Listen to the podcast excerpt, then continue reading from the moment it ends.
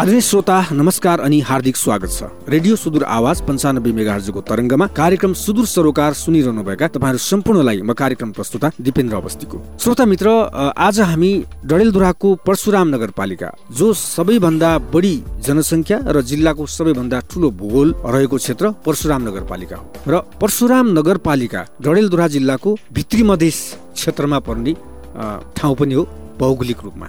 अर्को कुरा corona virus covid उन्नाइसका सन्दर्भमा परशुराम नगरपालिकाले कस्ता खालका कार्य योजनाहरू अगाडि बढाइरहेको छ र सँगसँगै यति बेला वर्षात पनि सुरु भइरहेको हुँदा बाढी पहिरो कटान जस्ता विभिन्न प्रकारका समस्या पनि परशुराम नगरपालिकाले विगतदेखि त्यहाँका स्थानीयहरूले झेल्दै आइरहनु भएको छ र यो वर्ष पूर्व तयारी कस्तो प्रकारको छ भन्ने विषयमा पनि हामी केन्द्रित रहेर परशुराम नगरपालिकाका नगर प्रमुख भीमबहादुर साउदज्यूसँग हामी कुराकानी गरिरहेका छौँ।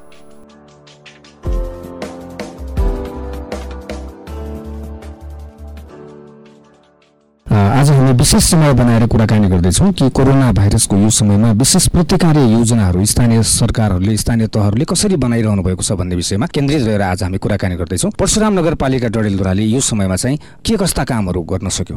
परशुराम नगरपालिकाले प्रतिकार जुन कोभिडको चाहिँ महामारी छ जसको कारण यसको लागि हामीले सचेतना र जनचेतनाका कार्यक्रमहरू पनि बढायौँ।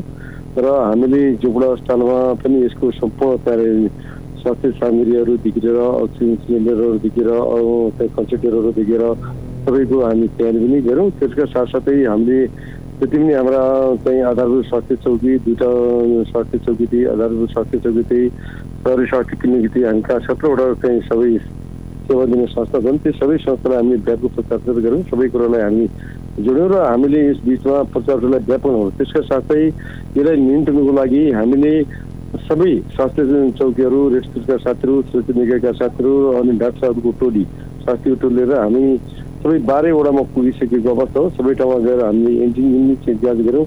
त्यसका साथै अन्य स्वास्थ्य उपकरण लगेर अनि चाहिँ सामान्य ज्वरोदेखि लिएर अन्य चाहिँ बिमारहरूलाई पनि चेक जाँच गर्ने काम गऱ्यौँ। त्यो सिलसिलामा हामीले अन्य योजना अनुगमन गर्ने काम गरेर हामीले बाह्रैवटामा यो कार्यक्रम सम्मान गरेका छौँ। र अहिले हिजोको भन्दा अलिकति सहज भएको अवस्था छ। र अहिलेसम्म झोपडा अस्पतालमा धेरै मान्छेहरूलाई जोडेर चाहिँ राम्रो बनाएर घर पनि पठाएको अवस्था छ। समग्र स्तरमा पहिलेको भन्दा अहिले अलिकति स्थिति सहज हुँदै गएको अवस्था छ। यहाँसँग जोगबुडा अस्पताल पनि रहेको छ र खासमा त्यो अस्पतालले चाहिँ सेवा सुविधाहरू कोरोनाको समयमा दिन सक्यो कि सकेन? के लाग्छ यहाँलाई?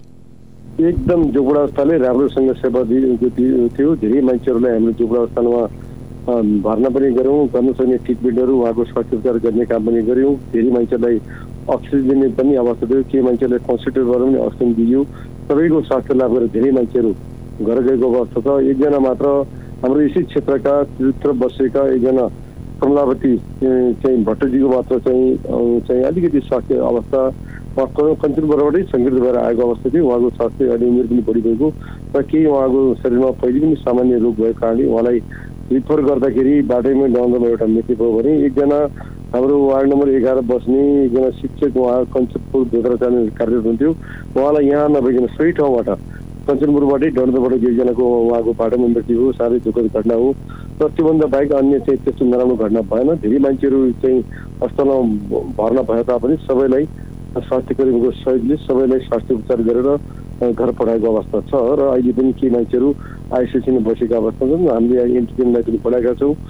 भिटिएमबाट सङ्कलन गर्नेदेखि लिएर अन्य सबै कार्यक्रम बढाए हुनाले र कुनै अहिलेसम्म औषधि त्यस्तो अभाव छैन। हामीसित पिपी मास्कहरू अनि त्यहाँ सेनिटाइजरहरू सबै स्वास्थ्य सामग्रीहरू सबै उपकरणहरू पनि हामीसित मौजत रहेको अवस्था छ। अब यो खोप अभियान पनि सञ्चालनमा छ होइन? यो तपाईँको कुन चरणमा हुनुहुन्छ? कतिजनालाई यो दिन सकिने अवस्था छ? के छ? करिबन पहिले पनि पहिलो चरणमा चाहिँ धेरै मान्छे लागेको थियो। दोस्रो चरणको केही मान्छेहरूलाई चाहिँ जुन चाहिँ हाम्रो फागुनको चाहिँ आठ गतिसम्मलाई खोप लागेको त्यो मान्छेलाई खोप दिएको अवस्था छ। बाँकी चाहिँ बाइस तेइस गति जुन खोप लागेको त्यो चाहिँ यसलाई दोस्रो चरण खोप दिन सकेन आजदेखि चाहिँ खोपको अभियान अब साठीदेखि के अरे बासठीदेखि चौसठी उमेरका मात्र लगाउने सोच्छन् त्यो अहिले कार्यक्रम चलेको यसको रिपोर्ट बेलुका चाहिँ आउँछ होइन र समग्र रूपमा खोपको आवश्यकता बढी छ र हामीले पनि पटक पटक सङ्घीय सरकार प्रदेश सरकारलाई अनुरोध गरेका छौँ विकास निर्माण काटेर पनि खोप लगाउने अभियानलाई बढाइने थियो अहिले चाहिँ किनभने जुन अहिले यो दोस्रो भेन्ट आयो जति मान्छेले खोप लगाएका थिए ती व्यक्तिहरू सङ्क्रमण भए तापनि त्यस्तो अप्रिय घटना नघटेको हामी धेरै पाएका छौँ छुटपिट बाहेक जुन व्यक्तिले खोप लगाउनु पाएन ती मान्छेहरू जसरी बढी जसो अहिले तिसदेखि साठी वर्षभित्रको धेरै मान्छेहरू समाजसेवी राजनीतिक व्यक्तिहरू चाहिँ विभिन्न शिक्षक पत्रकारहरू चाहिँ विभिन्न उद्योगी व्यवसायी र धेरै सामाजिक व्यक्तिहरूले आफ्नो ज्यान गुमाएको अवस्था छ। हामी सबैप्रति सम्झाउने व्यक्ति गर्न चाहन्छौँ। साथै धेरै मान्छेहरू अहिले पनि होम आइसिडी हुनुहुन्छ अस्पताल हुन्छ उहाँको पनि पूर्ण स्वास्थ्य लगाउनु चाहन्छ त्यही कारणले राज्यले अन्य काम कटाएर पनि खोपको व्यवस्थापन गर्ने कुरो हामी त पटक पटक पनि पर्सन नगरपालिकाले त प्रदेश सरकार सङ्घीय सरकारलाई पत्रचार पनि गरेको छ हाम्रो विकास बजेट काटेर पनि तपाईँहरू खोपको व्यवस्था गर्नुहोस् भनेर सम्बन्धित निगम प्रगति हुन सकेका छन् यो सातसत्तरी पनि स्थानीय सरकारले गरेको छ अब यदि सरकार ससाना कुरामा आफ्नै झगडामा रुङ्गेको अवस्थाले गर्दा अलिकति धेरै चाहिँ भाव स्थिति भएको छ। यदि यो समयमा कन्ट्रोल भने यदि आज भावहरू लिइदिन्छ पहिलो चरणको दोस्रो चरण पनि अहिले केही घटेको महसुस हामीले गरेका छौँ फेरि तेस्रो चरणको पनि हल्ला आइरहेको अवस्था त्यही कारणले यो सधैँ यस्तो अवस्था हुन्छ। सबैले के कारणले हामीले आफ्नो जोगडामा पनि हामीले जोगडा स्थानमा पनि हामीले आइसोलेसन बसेका छौँ भर्खरै पनि हामीले एउटा आइसोलेसन बिल्डिङ स्थायी रूपले सधैँ यस्ता केसहरू आउन सक्छन् कहिले चाहिँ कोभिड आउला कहिले विपदका अन्य आउला विभिन्न समस्याहरू पनि हामीले चाहिँ एउटा आइसोलेसन भवन बनाएको छौँ। त्यसलाई पनि हामीले पूर्ण रूपमा सुविधा सम्पन्न गरेर अक्सिजन सहितको सेवा दिने भनेर हामीले चाहिँ बनाएका छौँ। र त्यसमा हामी एटिज बाथरुम कोठासहित बनाएका छौँ हल पनि बनाएका छौँ। कम्तीमा पचासजनालाई त्यही क्षेत्रमा राख्न सकिन्छ। र त्यसको वैकल्पिक पनि हामीले जो गुणस्तरलाई पनि हामीले जुन नयाँ भवन थियो त्यसलाई पनि तयारी अवस्थामा राखेको थियो। जस्तै हाम्रो झुपडीमै भवन नयाँ नगरपालिकाको कम्प्लेक्स बिल्डिङ बनाएको थियो। यदि त्यस्तो भाव अवस्था आयो भने त्यसमा पनि राख्ने भन्ने तयारी गर्छ तर त्यो अवस्था आएन। तर यसमा विशेष गरेर स्वास्थ्यका साथीहरू शिक्षा गरेका साथीहरू राजनीतिक कर्मी साथीहरू मिडिया सबै साथीहरूले राम्रो जुन प्रचार प्रसार राम्रो गरिदिनु भयो र जनताहरूले पनि साथ दिनुभयो। उहाँले घरबाट अलिकति कम निस्किनुभयो सामाजिक दूरी कायम गर्नुभयो र मासुस लगाएर निस्किदिएको हुनाले के सहज हुनुभएको यो राम्रो पक्ष पनि हो। र भोलिका दिनुभयो भने यो समस्या आउनु सक्छ। यसले सचेतना जुन एउटा कार्यक्रम सधैँ अगाडि बढाएर बस्छ जस्तो मेयर साहब डडेलधुरा जिल्लाको सबैभन्दा बढी जनसङ्ख्या भएको क्षेत्र होइन भौगोलिक रूपले पनि विभिन्न प्रकारको बनावटमा रहेको तपाईँको परशुराम नगरपालिकामा जोगपुरा अस्पतालमा चाहिँ आवश्यक जनशक्ति वा प्रविधिको व्यवस्थापन चाहिँ हुन सकेको छ कि छैन के छ? होइन हामीसित भएको स्रोत साधन अनुसारको हामीले व्यवस्थापन गरेका छौँ पूर्ण छैन। हामीले किनभने यो भित्री मधेसको परशुराम नगरपालिका आलताल गाउँपालिका भागेश्वर गाउँपालिका लगायत र बाहिर विभिन्न चाहिँ क्षेत्रका मान्छेहरू यो क्षेत्रमा धेरै मान्छेहरू बसोबास गर्छन्। यो गाउँ जिल्लाको करिब पचास पर्सेन्ट जनसङ्ख्या बोगडीको क्षेत्र पनि हो। र जोगुडा अवस्थालाई सुविधासम्म हस्पिटल बन्नुपर्छ भनेर विगतको सरकारले सम्मानीय पूर्व प्रधानमन्त्री शेरबहादुर नेपाली सेवा पार्टी सभापतिको पालामा पचास सयको हस्पिटल बनाउनु भनेर त्यो कार्यक्रम अगाडि बढेको थियो। मन्त्री परिषदको निर्णय पनि भएको थियो। र अहिले वर्तमान सरकारले त्यसलाई कार्यान्वयन गर्दैन। त्यसको लागि हामीले पटक पटक चाहिँ पत्राचार पनि सम्बन्धित निकायमा मन्त्रालयमा गऱ्यौँ त्यो भएको छैन। र अहिले हामीले जोगुडा अस्पतालमा जति सुविधा सम्पन्न हुन्छ हुन सकेको छैन। यसलाई सुविधा सम्पन्न अस्पताल बनाउन सकिने भने भोलिका दिनमा अहिले त हामीले के हालसम्म नियन्त्रण गऱ्यौँ भोलिका दिनमा अझै यस्ता केसहरू त्यही कारणले जोगुडा अस्पतालमा इक्विपमेन्टदेखि लिएर डाक्टरको दरबन्दीदेखि लिएर स्टाफ नर्सहरूदेखि अझै कमी छ। हामीले केहीजना दुईजना करारमै राखेर पनि हामीले यो अहिले सेवा दिएको अवस्था डाक्टर दुईजना। गाह्रो छ। दरबन्दीको अभाव छ। जनसङ्ख्याको अभाव छ। चाहिँ अझै थुप्रै इक्विपमेन्टको आवश्यक छ। त्यसको लागि सम्पूर्ण इक्विपमेन्टदेखि लिएर चाहिने जनशक्तिहरूको लागि सम्बन्धित निकायमा प्रदेश सरकार सङ्घीय सरकार स्वास्थ्य मन्त्रालय स्वास्थ्य विभाग सबैमा हामीले पत्रचार गरेका छौँ। यसको लागि सबै क्षेत्रबाट यो भित्री मध्येमा जोगुडालाई अस्पताललाई सुविधा सम्पन्न हस्पिटल बनाउनु पर्छ भनेर हामीले पटक पटक अनुरोध पनि गरेका छौँ। अब जस्तो एक प्रकारको विपद त अहिले छँदैछ होइन कोरोना भाइरसको कारण। अब वर्षात पनि सुरु हुँदैछ त्यतातिर अलि बाढी आउने होइन विभिन्न कटानहरू हुने बाटोहरू चाहिँ बन्द हुने खालको पनि हुनसक्छ। यसका लागि यहाँको पूर्व तयारी कस्तो छ? होइन हाम्रो पूर्व तयारी हामीले आफ्ना भएको स्रोत साथीहरू हामीसित जुन चाहिँ ब्याको लोडर छ हामीसित टिप्पर छ हामीसँग जुन जिपरहरू छन् हामीसित स्रोत साथीहरू त्यो तयार राखेको अवस्था छ। र हामीले अन्य सामानहरू डिजल लगायत सबै सामानहरू मौजत राखेको छ। हामीले सुरक्षा निकायहरूसँग पनि समन्वय गरेको अवस्था छ। सबैको सहकार्य गरेका छौँ।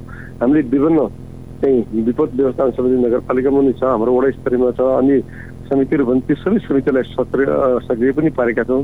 र केही विपद तत्कालीन काहीँ त्यस्तो विपद भइहाल्यो भने तत्कालीन उद्धारको लागि पनि विपद उद्धार समितिहरू पनि गरेका छौँ केही इक्विपमेन्टहरू पनि हामीले सम्बन्धित तटीय क्षेत्रमा पनि राखेका छौँ। त्यही कारण यसको हामी पूर्ण तयारीमा छौँ। अस्ति मात्र जेठकै पाँच सय गतिको वर्षाले धेरै ठाउँमा बाटाघाटहरू बन्द भयो धेरै विकास निर्माणमा काम गर्न गाह्रो हो।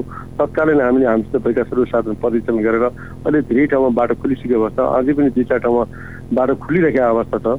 तर यसको लागि त्यसले भोलि आउन सक्ने विपद वर्षा चाहिँ योपालि अलिक बढी नै होला जस्तो त्यही कारणले पूर्व तयारीको लागि पनि हामी सचेत छौँ। हामी सबैसित हामीसँग जोबडामा रहेको नेपाल प्रहरी सशस्त्र प्रहरी नेपाल आर्मीसँग पनि कोर्डिनेसन अनि रेड क्रस सबैसित कोर्डिनेसन र पूर्व तयारीको लागि पनि हामीले चाहिँ सतर्क भएर हामी सबै मिटिङ गरेर हामी एकासँग कोर्डिनेसनमा बसिराखेको अवस्था छ।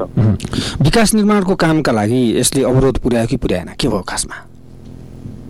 यो कोभिडले गर्दा विकास निर्माणमा केही अवरुद्ध भयो अनि बिचमा सामान नपाउने महँगाई पनि अत्याधिक बढेको अवस्था केही विकास निर्माणका योजनाहरू प्रभावित भएका छन्। तैपनि जुन चाहिँ पोषण नगरपालिकाबाट सञ्चालन भएका सचना योजनाहरू थिए ती कामहरू धेरै योजनाहरूमा हामीले सकेसम्म बन्द गरेर काम गरेको अवस्था छ। कुनै कुनै ठाउँ सामान जरुर सजिया सिमेन्टको अभावले गर्दा कहिले चाहिँ अन्य चाहिँ सामग्रीहरू पनि चाहिँ नपाएको अवस्था केही प्रभावित भने समग्रमा सम्पूर्ण प्रभावित भएको छैन। पक्कै पनि कोभिडले जुन स्कुलमा जानुपर्ने हो त्यो स्कुलमा चाहिँ जान सकेन। धेरै मान्छेहरू सङ्क्रमण भएको अवस्था थियो। धेरैलाई विभिन्न कालो ज्वरोदेखि लिएर धीरे सन्तास भएको अवस्थामा केही कम भए तापनि समग्र रूपमा विकास पूर्ण रूपमा ठप्प भएको छैन। ठुल्ठुला योजनाहरू ठप्प भएको अवस्था छ। उहाँ हुनुहुन्थ्यो। परशुराम नगरपालिकाका नगर प्रमुख भीमबहादुर साउद। आजको लागि कार्यक्रम सुदूर सरोकारको निर्धारित समय सकिने लागेको छ। कार्यक्रमबाट म प्रस्तुता दिपेन्द्र अवस्थी विदा हुन्छु। नमस्कार।